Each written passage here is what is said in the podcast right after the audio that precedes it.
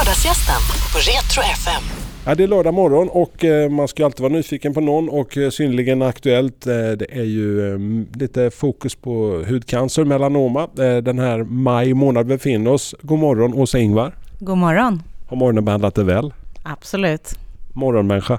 Ja, faktiskt. Fantastiskt, då är vi två. Berätta, vad är det som är speciellt med maj månad och, och det vi kallar för det som står och knackar på dörren, Euromelanoma Week?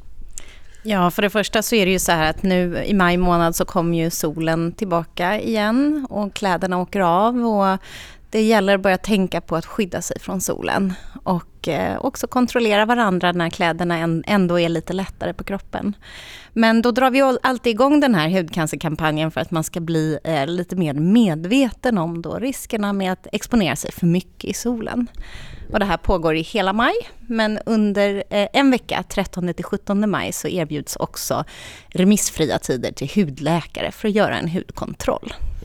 Av alla discipliner man har att välja inom läkarvetenskapen så väljer du att jobba med hud. Varför? Ja, alltså egentligen så började det nog med att jag började forska om hudcancer under läkarlinjen. Och eh, så tänkte jag att jag skulle prova det och jag tyckte det var så roligt. Det finns gamla och unga och det finns eh, cancer och vanliga hudsjukdomar som eksem och psoriasis. Det finns också könssjukdomar i vår specialitet. Man träffar mycket ungdomar. Det finns mycket botbara tillstånd, inklusive hudcancer faktiskt. Det känns lite hoppfullt med andra ord. Ja, jag gillar den känslan. Du var aldrig något sug på något annat inom läkarvetenskapen? Jo, det måste jag ju faktiskt i ärlighetens namn säga att det var. Jag ville länge vara narkosläkare, rädda liv på ett annat sätt kanske. Jag hade någon slags eh, dröm om att vara hjälten som springer in i rummet och reder upp situationen liksom. Eh, jag tyckte också att gynekologi var jättehärligt, men eh, hud hade mer att erbjuda och eh, eh, det gick att kombinera bättre med en man som också går jourer. Finns det något hopp för de som eh, får hudcancer idag om vi bara kastar oss rakt in? Absolut. Eh, men det gäller ju alltid, som med all cancer, att hitta eh, hudcancern i tid. Det finns ju flera olika typer av hudcancer, men om vi pratar om den som euromelanoma fokuserar på, malignt melanom, så är ju det den farligaste typen av hudcancer. Men det är ju så att hittar man den i tid, eh, när den inte har hunnit blivit så tjock, då så är överlevnaden väldigt, väldigt bra. Och det räcker med att bara operera bort själva märket. Vad är det för behandling man genomgår? Eh, bara operation och sen hoppas man på det bästa?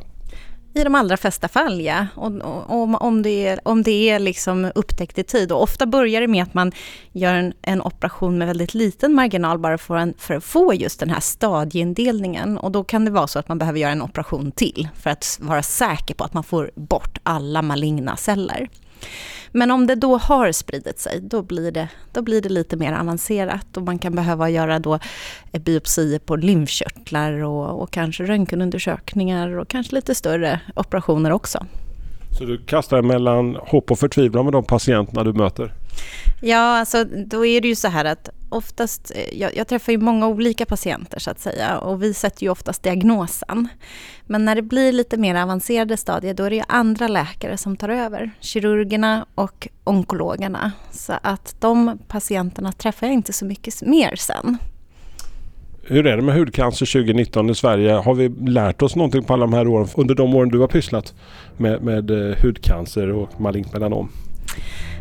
Nej, det kan jag nog egentligen inte säga att det har blivit någon större skillnad. Jag har ju hållit på med det här sedan 2009, så det är tio år nu. Och det är klart, det, känslan och det som forskning visar är ju att vi vet ju om att det är farligt att exponera oss för solen. Men det syns inte sen i vårt beteende. Det jag tror har hänt väldigt mycket det är att vi är väldigt noggranna med våra barn och det kan ju göra en skillnad när de sen växer upp. Då kanske vi ser att hudcancerfallen minskar i den gruppen. Men tyvärr är vi inte alls lika noggranna med oss själva. Den första vårsolen kom ju här för några veckor sedan och Jordan har, har nu sig, eh, tagit lite time-out. Kanske du är jätteglad för. Men, men eh, är vi sådär naiva så att fort vi får den där efter en mörk jäkla april, mars.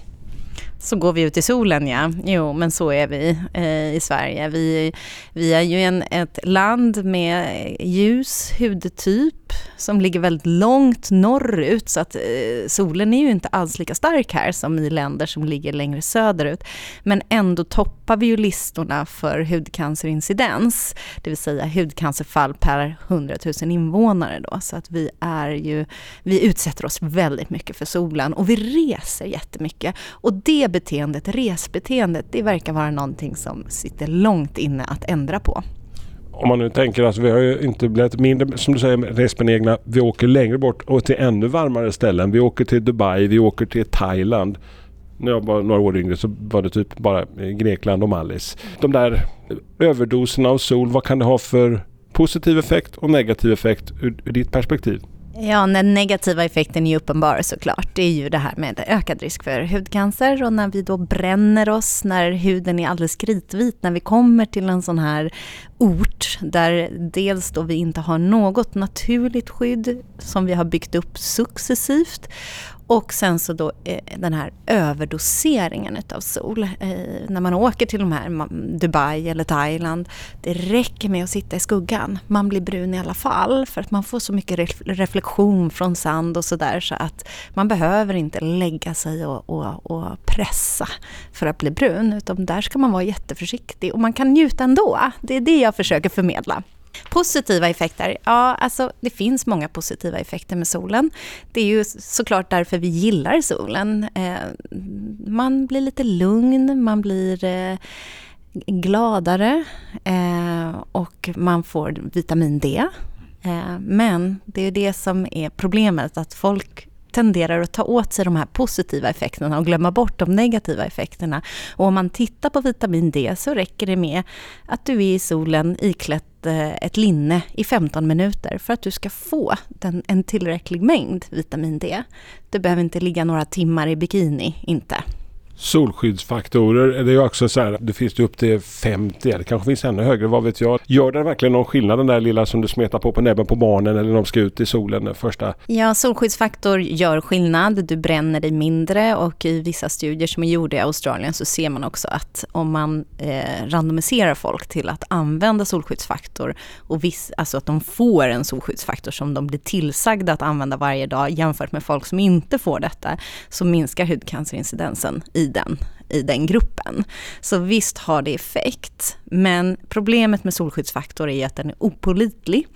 Det vill säga många tar en pump och försöker sprida ut över hela kroppen och, och sen tror de att det ska räcka hela dagen. Och det gör det inte, utan man måste eh, smörja ganska stora mängder och man måste smörja många gånger om dagen för att skyddet ska upprätthållas. Och därför så tycker vi som hudläkare att helst ska man skydda sig med hjälp av hatt hattar och kläder och skugga. Men att man, men man ska se solskyddskrämer som ett komplement där man inte vill eller kan skydda med kläder. Solglasögon? Absolut. Snygga dessutom. Ja, eller hur?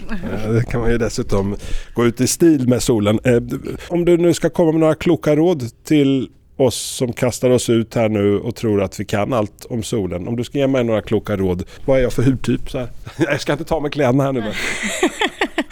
Nej men eh, alltså då brukar jag alltid börja, alltså för att avgöra vilken hudtyp man är så brukar jag fråga så här, om du är i solen en sommardag, hur känslig är din hud? Blir du röd innan du blir brun? Jag brukar bli lite så här rödbrun tror jag, så här på armarna för den här härliga bonnasolbrännan eftersom jag eh, ogärna pallar att ta mig sådär. Mm. Så, så du, du kan bli brun med andra ord? Jag har en eh, livsfäbless för det. Ja. Så då är du säkert en hudtyp 2 då som det heter. Och då är det en, en skala på sex olika hudtyper. Där hudtyp 1 är de som inte kan bli bruna överhuvudtaget, de blir bara röda. Hudtyp 2 blir ofta lite röda först men blir bruna sen med lite, lite träning så att säga. Hudtyp 3 blir oftast bruna men bränner sig om solen är för stark. Och där har, hudtyp 2, 1, 2, 3 har vi nästan alla då svenskar, eh, så att säga. Sen hudtyp 4, 5, 6, då blir det mörkare och mörkare hudtyp. Allt från medelhavsregionerna till mörkaste Afrika, så att säga jag tror att vi gör oss en otjänst om vi försöker vara för stringenta vad det gäller solråd. Eh, så jag brukar säga att gör allt du vill göra, men tänk efter lite till varje gång du ska göra någonting. Och tänk efter lite extra när sommaren är som starkast då på sommar och, och sen vår, tidig höst och mitt på dagarna mellan klockan 10 och 3. Att ska du, vet du att du ska vara ute i solen länge då, så var noga med solskyddet och försök att välja skuggan när du ska sätta dig på ett café och försök att, att gå på skuggsidan av gatan om du är ute och går på stan en hel dag eller försök att tänka på att ha en snygg hatt på dig om du ska ut och segla och så vidare. Så att just där, när solen är som starkast, var lite mer försiktig då. Men gör allt som du vill. Du ska inte sitta inomhus. Du ska ut och du ska mm, motionera och du ska jobba i trädgården och du ska segla och du ska göra allt som du vill göra. Men bara tänk till lite till. Om man eh, tänker några år tillbaka i tiden när man var några yngre och kanske inte lika klok och begåvad och var ute på den där lilla solresan. Ett par av oss har säkerligen somnat i solen av olika anledningar. Eh, alltså, hur stor riskfaktor är det att man bränner sig i, i unga år? Vilket tyvärr rätt många gör. Tyvärr är ju det en riskfaktor för malignt melanom. Eh, att man bränner sig i barndomen framför allt men också i tonåren. Eh, och, och jag, jag, jag, en gång, ingen gång brukar jag säga, men om det är upprepade tillfällen så vet vi att risken för hudcancer ökar. Och det vet vi genom många olika studier som har mätt det här då genom frågeformulär. Men eh, Eh, det som är gjort är gjort. Tyvärr ligger det kvar. Det är många utav mina patienter som, som frågar varför har jag fått min hudcancer? Ja, men det beror på solexponering säger jag. För det är ungefär 90% utav all hudcancer som vi kan tillskriva solexponering. Och då brukar de svara att men jag solar ju aldrig. Nej, för att när man blir äldre slutar man sola för att man tycker inte det är skönt att bli svettig och varm och sådär. Men det många inte förstår är att när det gäller just hudcancer så samlar man på sig en solskada och det börjar i barndomen. Det ackumuleras men du kan alltid bromsa. Men det genetiska? Eh, det finns några syndrom mycket ovanliga syndrom där du ökar risken för olika typer av cancer. Och då ökar du risken jättemycket. Vi pratar om att du kanske har en 100% risk att få hudcancer en eller flera gånger under ditt liv. Men den stora massan utav oss har ju inte de här generna. Eh, och de här, sådana här gener som har en stor genomslagskraft, de kallar vi för högriskgener. Sen finns det ju ett, en mängd lågriskgener. Men när det gäller lågriskgener så krävs det ofta kombinationer av flera sådana gener plus då en miljöfaktor för att de ska slå igenom. Eh, så att även om man har en lågriskgen, till exempel genen då för hur mycket man pigmenterar sin hud, så får man ju inte hudcancer till följd av att bara ha den genen, utan det är ju också då beroende av hur mycket du exponerar din hud för solen. Så det här är ju något man liksom måste ta till sig. Vad är min riskprofil? Har jag en jättelättbränd eh, hud och dessutom kanske ärftlighet för hudcancer och dessutom kanske seglat jättemycket som barn, då ska jag vara extra försiktig. Om man eh, eh försöker ingjuta lite hopp, du forskar ju med hudcancer och har gjort det i, i många år. Vad, vad är, står forskningen nu? Vad är när det gäller hudcancer och behandling framförallt och upptäckt? Ja, alltså det kommer väldigt många nya eh, diagnostiska metoder. Eh, det kommer hela tiden nya grejer. Det är väl ingen som har fått sån där riktig genomslagskraft ännu, men det kommer säkert för det är många nya saker som pågår hela tiden. Sen så kommer det också eh, nya sätt att behandla på.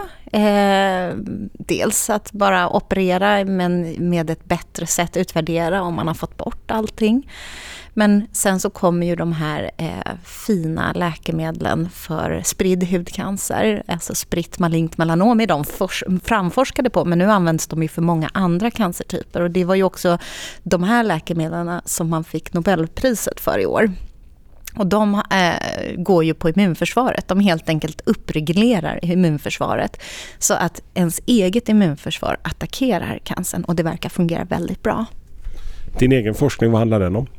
Jag tittar mycket på eh, ja, epidemiologi, riskfaktorer för malignt melanom. Eh, hur beter vi oss eh, när vi ändå vet att vi har hög risk för malignt melanom? Beteenden och riskfaktorer och, och sådana här eh, såna aspekter på det.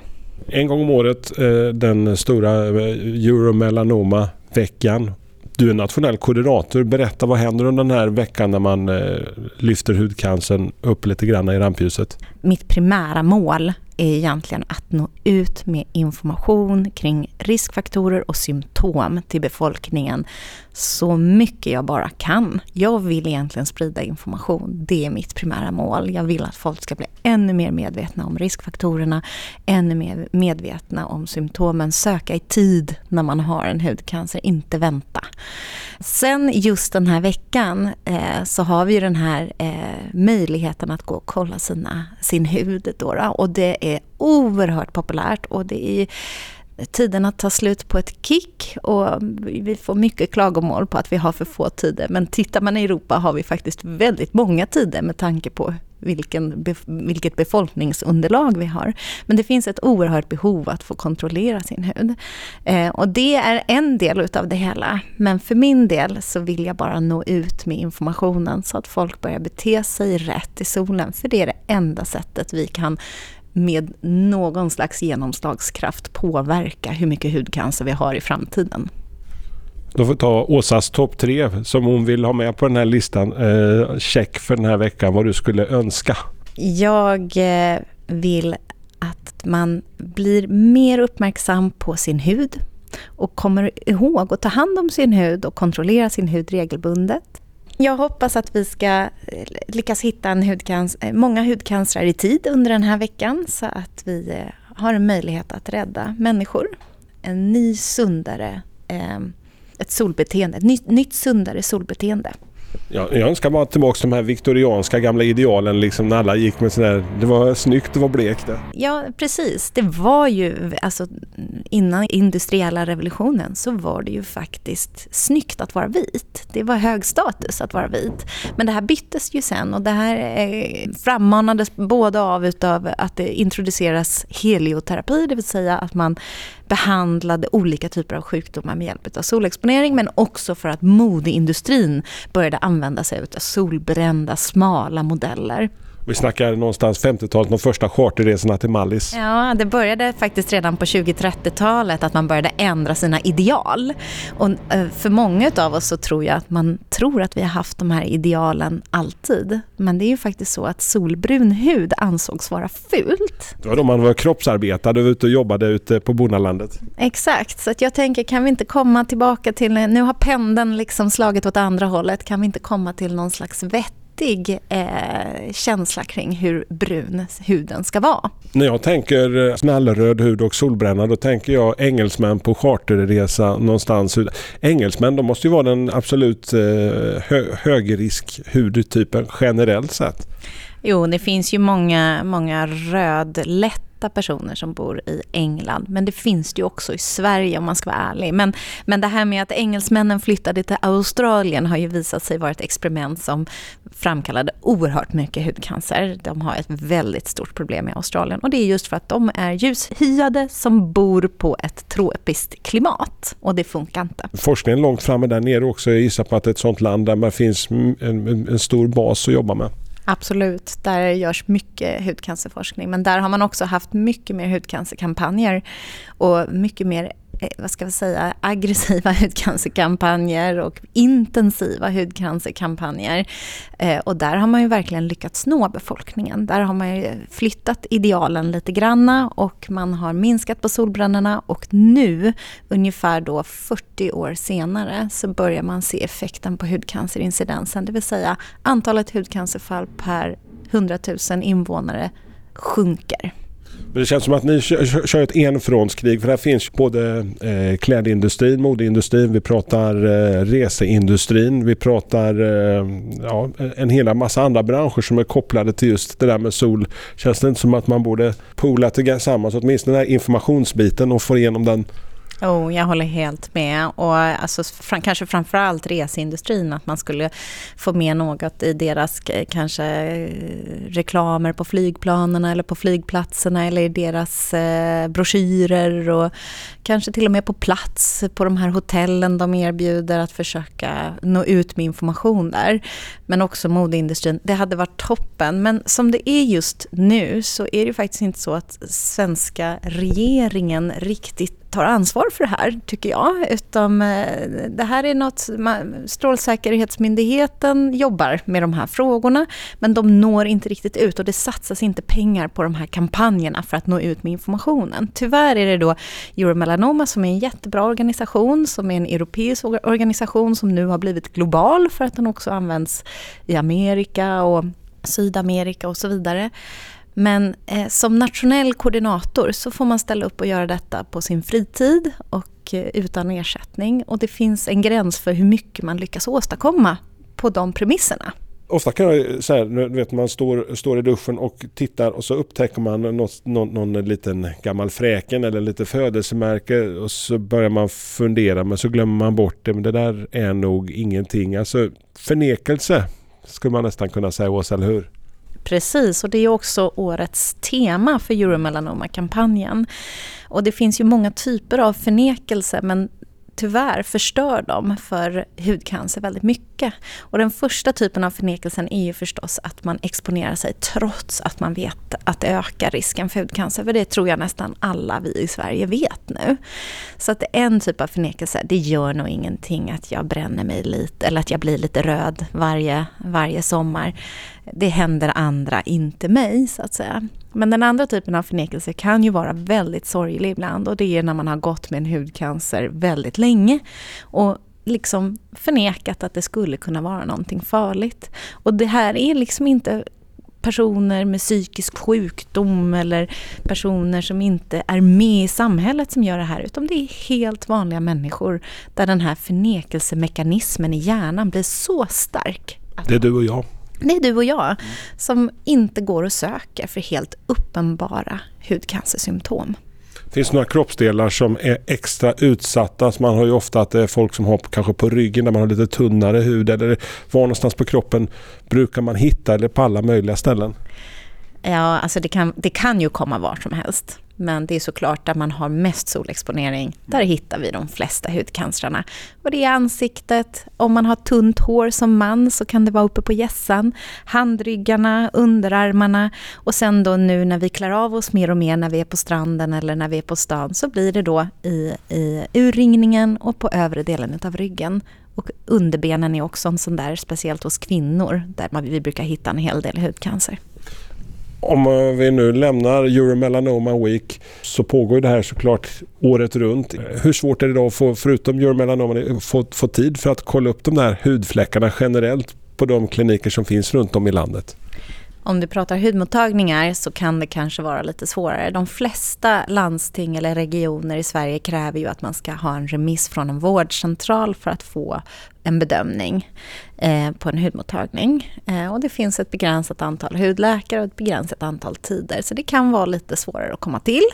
Men på en vårdcentral får man nog ha, finns det bättre tillgänglighet och de kan också en hel del faktiskt. Och eh, nu kommer förhoppningsvis, eller det finns i många regioner och landsting och det kommer snart då i Skåne, i, mitt, i min region, eh, det som heter teledermatoskopi, där de kan ta bilder eh, med hjälp av en tillsats på en iPhone och så skicka det till en hudläkare och få en bedömning. Och då får vi en bättre tillgänglighet. Så jag, jag tror att det här förbättras hela tiden. Men problemet är ju att eh, hela tiden får vi fler och fler hudcancerfall. Så alla förbättringar vi gör tenderar att liksom bara försvinna i det stora, i, i det stora hela. Mm.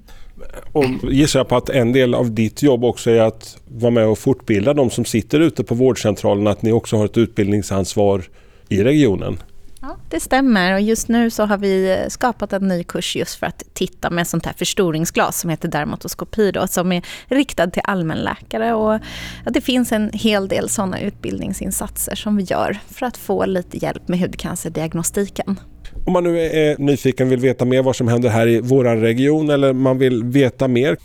Vi har ju en jättefin hemsida tycker jag i alla fall, yourmelanoma.org Sweden.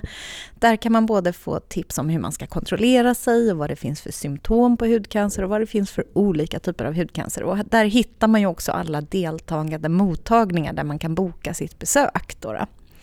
Sen så kan, finns det information på 1177.se, det är alltså Vårdguiden. Det finns massa information på Melanomföreningens hemsida.